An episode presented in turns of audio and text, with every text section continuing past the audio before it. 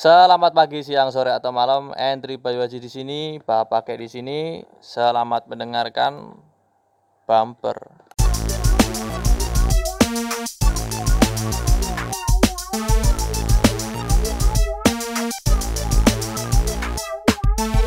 Oke, di sini saya ingin membahas tentang uh, cikal bakal ramainya dunia maya akhir-akhir ini. Ya, sebenarnya sudah dari lama, tapi puncak-puncaknya adalah akhir-akhir ini, terutama pada saat pilpres kemarin. Saya ingin membahas tentang citizen journalism atau uh, jurnalistik rakyat. Nah, sebelum saya ingin membahas lebih lanjut, saya ingin bertanya kepada Bapak dulu tentang apa itu citizen journalism sepemahaman Bapak Ya, kalau yang saya ketahui, citizen journalism adalah aktivitas jurnalistik yang dilakukan oleh warga biasa. Artinya dia bukan seorang wartawan dan tidak berprofesi sebagai wartawan. Masyarakat biasa yang eh, melakukan semacam pengumpulan ya, pengumpulan pelaporan atau penyebaran berita serta informasi yang dimiliki eh, melalui cara yang mereka punyai, mereka miliki, memberitahukan kepada masyarakat lain atau warga lain. Oke, berarti uh, ya saya sepakat tentang argumen Bapak kayak tadi tentang citizen jurnalistik. Ya, ya seperti yang kita tahu bahwa munculnya citizen uh, citizen jurnalistik ini adalah sebagai bentuk mutasi dari produk jurnalistik baik dari konten maupun dari cara produksinya. Mengingat seperti yang kita tahu bahwa produk jurnalistik itu didominasi oleh wartawan. Akhir-akhir ini sudah dari lama produk jurnalistik itu selalu didominasi oleh wartawan atau memang profesional journalism. Sedangkan ya ya memang seperti itu adanya memang ya mereka yang lebih berfokus pada jurnalistik dan citizen journalism sendiri adalah praktek jurnalisme yang dilakukan oleh non profesional seperti yang Bapak katakan lagi. Jadi memang dilakukan oleh rakyat biasa atau uh, masyarakat yang sekedar ingin berpartisipasi me memberitakan suatu informasi. Warga biasa yang menjalankan fungsinya selayaknya uh, jurnalistik ya pada umumnya gitu loh. Jadi memang dia itu tidak berbasis oleh regulasi atau ditunggangi atau kepentingan lain gitu. Dan seperti yang kita tahu bahwa sekarang mungkin eranya internet, Pak. Tapi beberapa tahun yang lalu, mungkin 20 atau 10 20 tahun yang lalu kan internet belum gencar-gencarnya. Yang orang Jawa itu syarat akan yang namanya getuk tular dari dari uh, bisa dibilang informasi itu ditularkan dari mulut ke mulut. Nah, sepengamatannya Bapak kayak sendiri, bagaimana penerapan citizen jurnalisme pada saat itu sebelum internet itu menj menj uh, menjamur di masyarakat? Ya, pada masyarakat desa pada umumnya penyebaran berita itu bisa dikatakan melalui mulut ke mulut ya, dari mulut ke mulut artinya mereka memberitahukan warga atau tetangga dengan cara lisan. Dari mulut ke mulut. Sehingga apa yang diketahui seseorang disampaikan kepada warga lain melalui berita yang sifatnya lisan tidak tertulis kalau kita tahu bahwa beberapa waktu yang lalu masyarakat kita itu ketika belum ada internet tahunya berita ya dari media cetak atau elektronik ya. Kalau elektronik pun itu dari televisi yang pada waktu ya, itu ya, paling sebatas koran gitu. Ya tapi koran pun kalau orang desa kan pada umumnya tidak langganan tidak hmm. berlangganan jarang yang membaca. Sehingga mereka lebih banyak mendengarkan dari tetangganya yang sering membaca koran, sering melihat berita ya. Suatu berita sering diketahui oleh warga yang jarang mendengarkan, jarang melihat televisi itu dari temannya atau tetangganya secara lisan sehingga peran warga lebih cenderung eh, yang memiliki pengetahuan atau tahu tentang hal-hal yang ditemuinya tadi melalui atau bersifat lisan begitu. Ya. Tapi ini menarik juga ini bahwa seperti yang dikatakan Bapak Kak tadi uh, ya informasi itu bisa diakses oleh dia yang punya kapasitas itu. kalau masyarakat biasa yang tidak mempunyai ilmu pengetahuan, mungkin tidak ada relasi yang bagus juga, mungkin dia tidak bisa mengakses berita-berita tersebut. Makanya berarti pola-pola dulu itu orang tuh selalu bersosialisasi karena dengan bersosialisasilah dia hanya akan mendapatkan informasi dari situ gitu. Mungkin kan kalau saat ini di era saya yang anak remaja itu kan sudah ada HP, apa-apa ada. Kita nggak berteman sama tetangga pun nggak masalah, soalnya kita bisa mengakses dunia pun dari HP saja gitu loh. Berarti mungkin ada ada pola-pola atau kebiasaan-kebiasaan yang berubah juga ya di era dulu sama sekarang terkait tentang citizen jurnalistik dan penyebaran berita tersebut. Ya, betul sekali karena kalau dulu itu mungkin tadi secara lisan ya. Artinya warga bergerombol di pos ronda atau di tempat-tempat warung misalnya ya. Mereka bercerita, menceritakan sesuatu yang diketahuinya kepada kelompok mereka sehingga teman-teman atau warga lain itu tahu oh ada berita gempa bumi misalnya ada berita seperti ini mereka tahu oh di sana ada pencurian mereka juga tahu dari cerita atau berita yang dibawa oleh seseorang tadi ketika di, eh, mereka bergerombol di tempat tertentu seperti pos ronda ataupun eh, warung-warung ya. nah, pada saat ini tentu saja era sekarang sangat berbeda dengan dulu. Kalau dulu belum ada uh, internet ya, kalaupun ada internet masih belum sepesat sekarang, belum ada media sosial, belum ada sistem Android kalau di HP. Nah, pada waktu itu kan belum begitu canggih pemberitaannya, sehingga uh, masyarakat cenderung belum begitu memainkan peran kalau lewat internet. Yang lebih banyak adalah mereka yang tadi secara lisan tadi.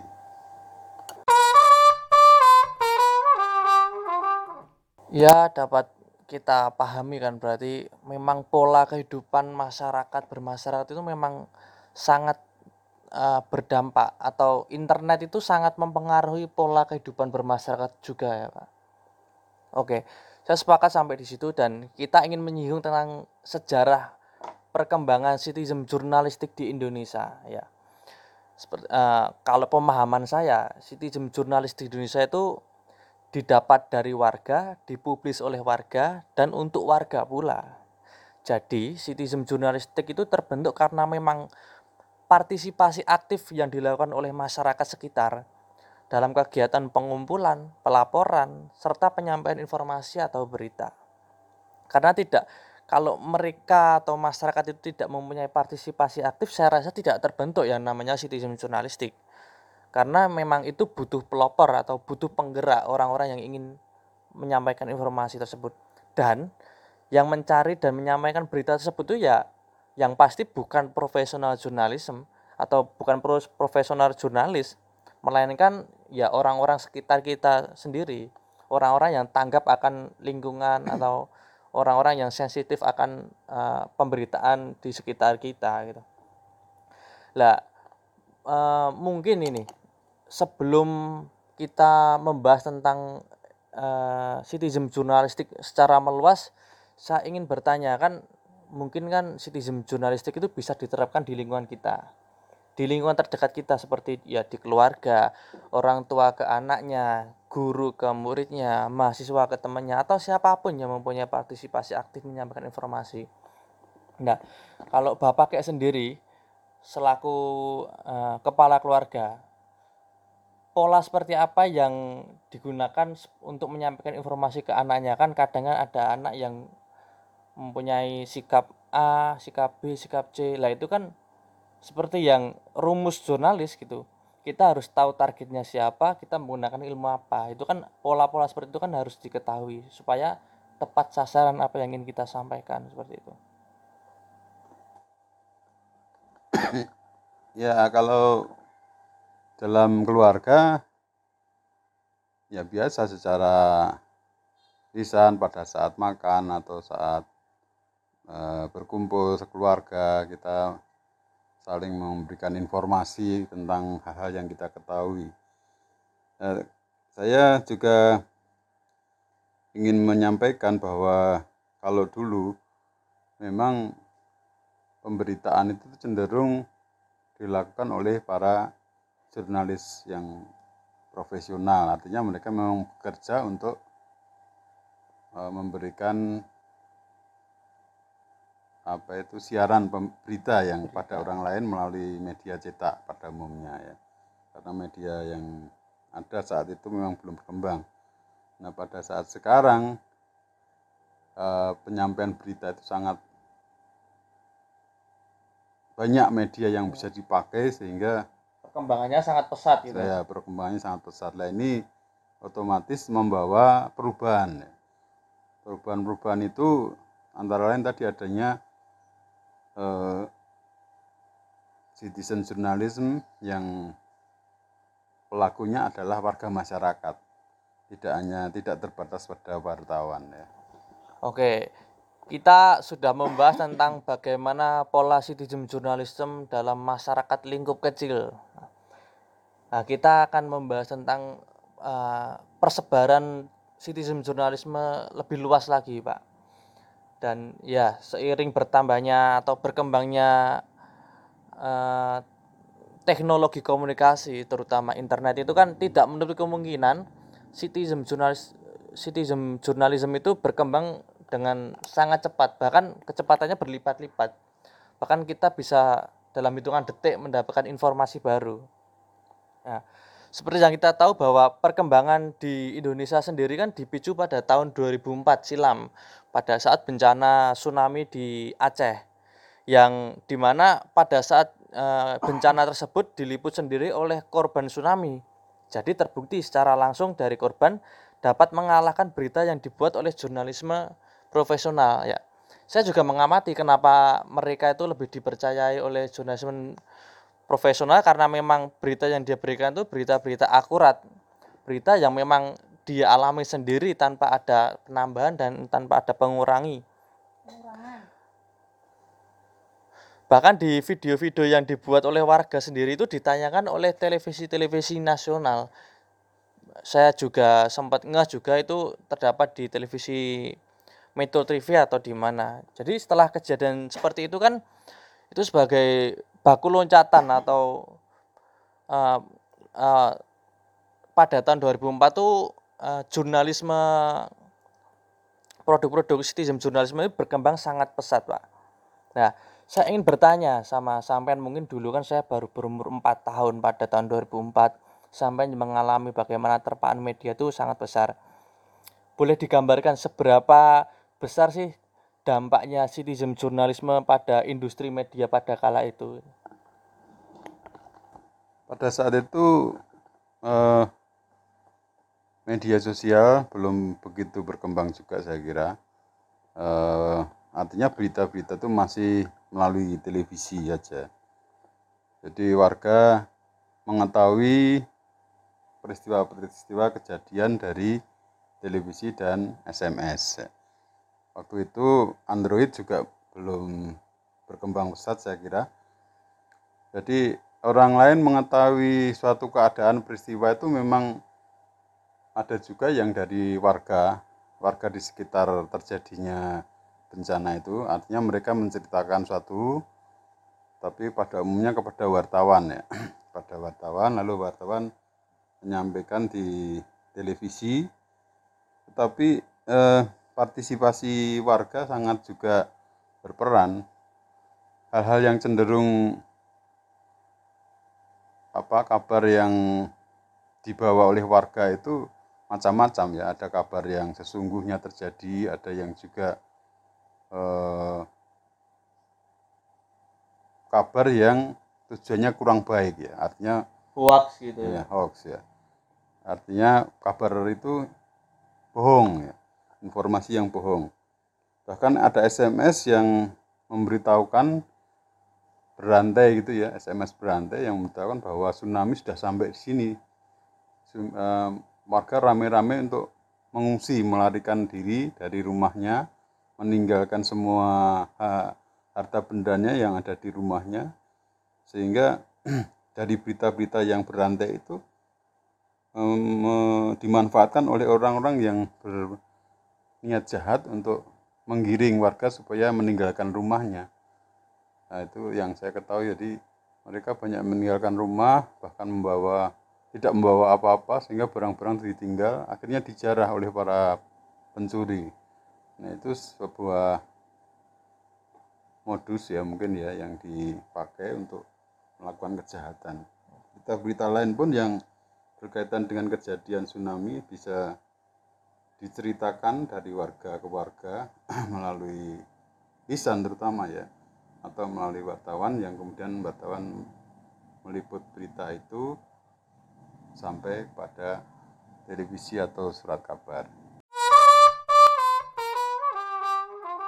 Oke, ini menarik sekali tentang pembahasan terutama pada sisi hoak tadi ya. Sebelum kita membahas tentang hoak antara hoak dan citizen jurnalisme, saya ingin membahas tentang perbedaannya dulu nanti berkaitan pada akhirnya nanti akan berkaitan tentang hoax tadi. Saya ingin bertanya sama Bapak Kek, sepengetahuan Bapak, Bapak Kek itu apa perbedaan jurnalisme profesional yang ya kita tahu jurna- jurnalisme profesional seperti wartawan atau TV One, Metro TV dan lain-lain. Ya, perbedaan antara jurnalisme profesional dan citizen jurnalisme itu apa Pak? Sepengetahuan sampean. Ya kalau seorang jurnalis yang profesional dia kan eh, apa itu mempelajari ya mempelajari bagaimana membuat berita, bagaimana menyusun berita yang baik, etika menulis berita yang baik, bagaimana ada cara-cara yang diperlukan dengan misalnya 5W1H atau sistem piramida misalnya itu adalah teknik-teknik penulisan berita di yang dilakukan oleh para wartawan saya kira. Tapi kalau eh, jurnalis yang warga tadi ya, yang dilakukan oleh warga itu saya kira tidak warga kan tidak punya ilmu tentang tulis menulis ya di jurnalistik. Jadi mereka memberitakan apa adanya, menceritakan seperti yang diketahuinya tanpa bagaimana menulis eh, awal yang menarik itu bagaimana membuat judul bagaimana. Pokoknya mereka menceritakan itu apa adanya, tidak disusun secara sistematis, tidak di eh, pakai rumus 5W1H misalnya ya atau apanya dulu yang harus didahulukan misalnya ya supaya berita itu menarik kan teknik-teknik itu yang menguasai adalah para jurnalis profesional ya Nah, jadi Tapi secara kan- teknik eh, jurnalisme profesional itu sudah menang teknis. ya sudah menang Bagaimana teknis menyusun berita yang menarik Iya. seperti itu ya. Tetapi kalau warga kan tidak punya ilmu itu, jadi mereka memberitakan saja apa adanya.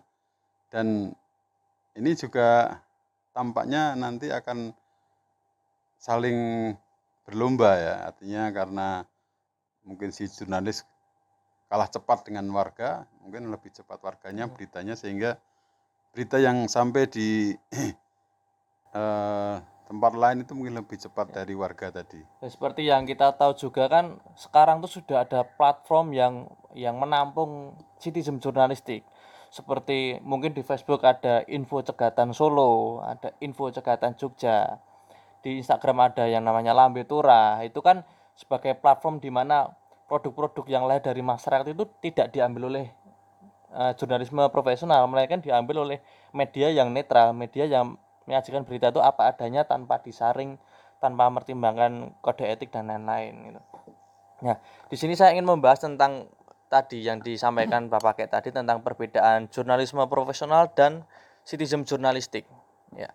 Jadi terdapat perbedaan yang cukup signifikan saya rasa. Yang pertama di jurnalisme profesional sendiri tentu karena memang dia bekerja di situ, karena dia sudah mendapatkan kepercayaan masyarakat, makanya ad- ada regulasi-regulasi yang harus ditaati sebelum media itu diterbitkan oleh eh, media ke masyarakat seperti harus ada ada apa penyesuaian tentang kode etik jurnalistik, terus berpacu atau mempunyai asas yang baik, terus memenuhi undang-undang pers dan mempunyai dasar-dasar jurnalistik yang wajib yang wajib diterapkan serta ditaati gitu.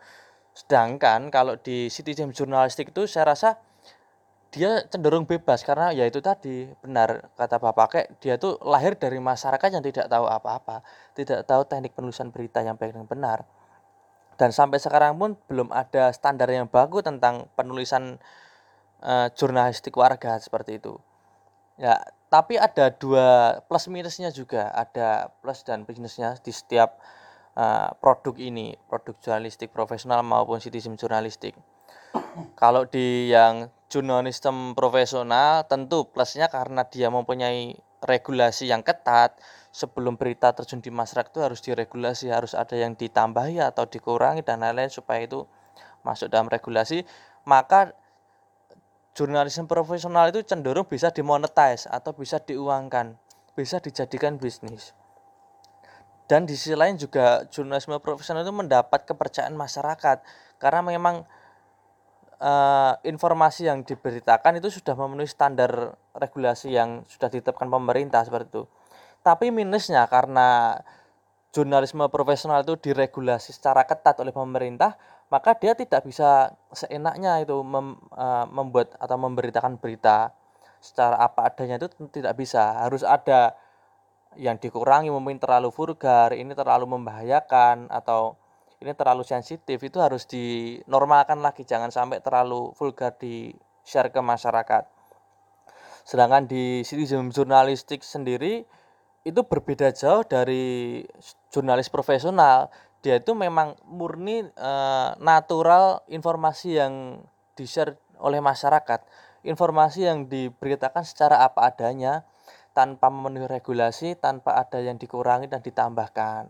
Seperti itu. Itu plusnya uh, citizen jurnalistik. Tapi minusnya itu yang yang saya rasa berdampak sangat besar. Seperti yang diobrolkan Bapak kayak di awal tadi tentang kasus tsunami di Aceh.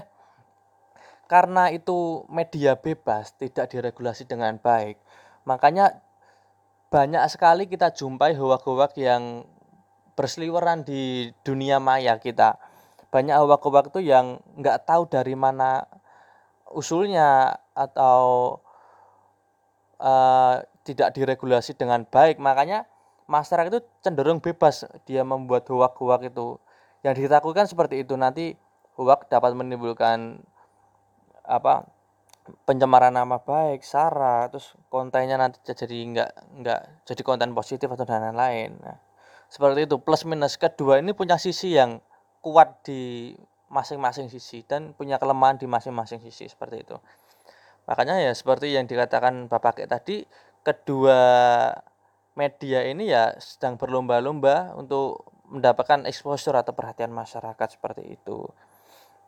Nah, kita sudah di penghujung acara dan ini ada satu satu topik yang ingin saya saya diskusikan sama Bapak kayak tentang upaya pemerintahan dalam menghadapi atau meregulasi citizen jurnalistik. Ya kita tahu bahwa citizen jurnalistik itu produk bebas, produk mentah istilahnya itu enggak diolah. Maka dari itu upaya pemerintah itu salah satunya dengan memperlakukan undang-undang informasi transaksi elektronik atau ITE.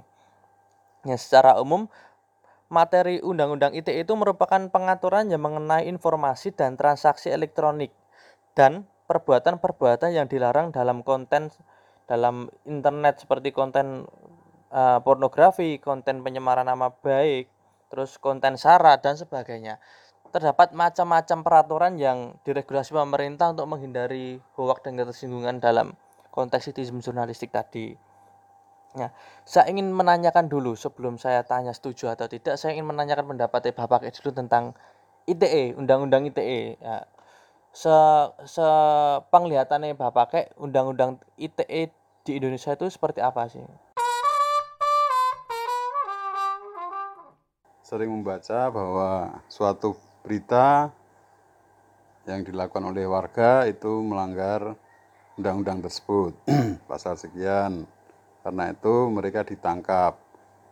Tapi kebanyakan yang terjadi adalah hoax ya berita hoax itu yang yang banyak dilakukan oleh mereka yang menyalahi undang-undang itu. Memang akhir-akhir ini e, berita yang dilakukan oleh warga itu cenderung punya tujuan tertentu ya. Terutama yang ber, yang bersifat politis ya. Tujuan yang bersifat politis ini memanfaatkan media sosial media sosial yang ada untuk tujuan-tujuan yang kurang baik atau tujuan menjatuhkan lawan politiknya misalnya ya. Nah itu kadang-kadang eh, ada hal-hal yang melanggar undang-undang itu. Hal-hal yang mungkin berita bohong atau pencemaran nama baik atau fitnah ya yang memang tujuannya untuk itu. Jadi sekarang banyak sekali pemberitaan yang dilakukan oleh warga bahkan bisa dikatakan sebuah opini, sebuah pendapat atau sebuah pemberitaan yang diputar balikkan ya sehingga masyarakat menjadi bingung ini yang benar yang mana ini ya. Nah itu eh, pemerintah sendiri sudah membuat undang-undang itu dan berita-berita yang hoax itu sudah di eh, apa ditandai oleh Kominfo ya. Jadi ada website Kominfo yang memberitakan bahwa apakah berita itu hoax atau tidak. Karena sekarang banyak sekali berita-berita yang isinya bohong ya. Ada disinformasi, ada berita bohong dan sebagainya itu menyebabkan masyarakat menjadi resah dan bingung. Nah, kalau itu di terus menerus dilakukan oleh mereka-mereka yang suka membuat uh, hoax kabar bohong tadi, maka akan menjadikan hal itu kurang baik. Nah, Oke. dengan adanya undang-undang itu saya kira bisa membatasi itu. Oke, berarti ini memang upacara pemerintah untuk eh, memotong rantai hoax tadi ya, Pak. Ya. Nah, tapi tidak bisa dipungkiri juga ini sudah menjadi rahasia umum bahwa undang-undang ITE itu bisa dibilang pasal karet. Kayak yang saya yang jena- eh, yang Bapak kayak sampaikan tadi memang ya eh, saya rasa ini memang tentang ketersinggungan. Ketersinggungan itu bukan diberikan tapi diambil gitu. Jadi kalau kamu merasa tersinggung, kamu bisa langsung menuntut. Kalau kamu punya kuasa hukum yang bagus, kamu pun bisa menang gitu loh. Jadi memang ini menjadi polemik di masyarakat juga. Menjadi apa ya?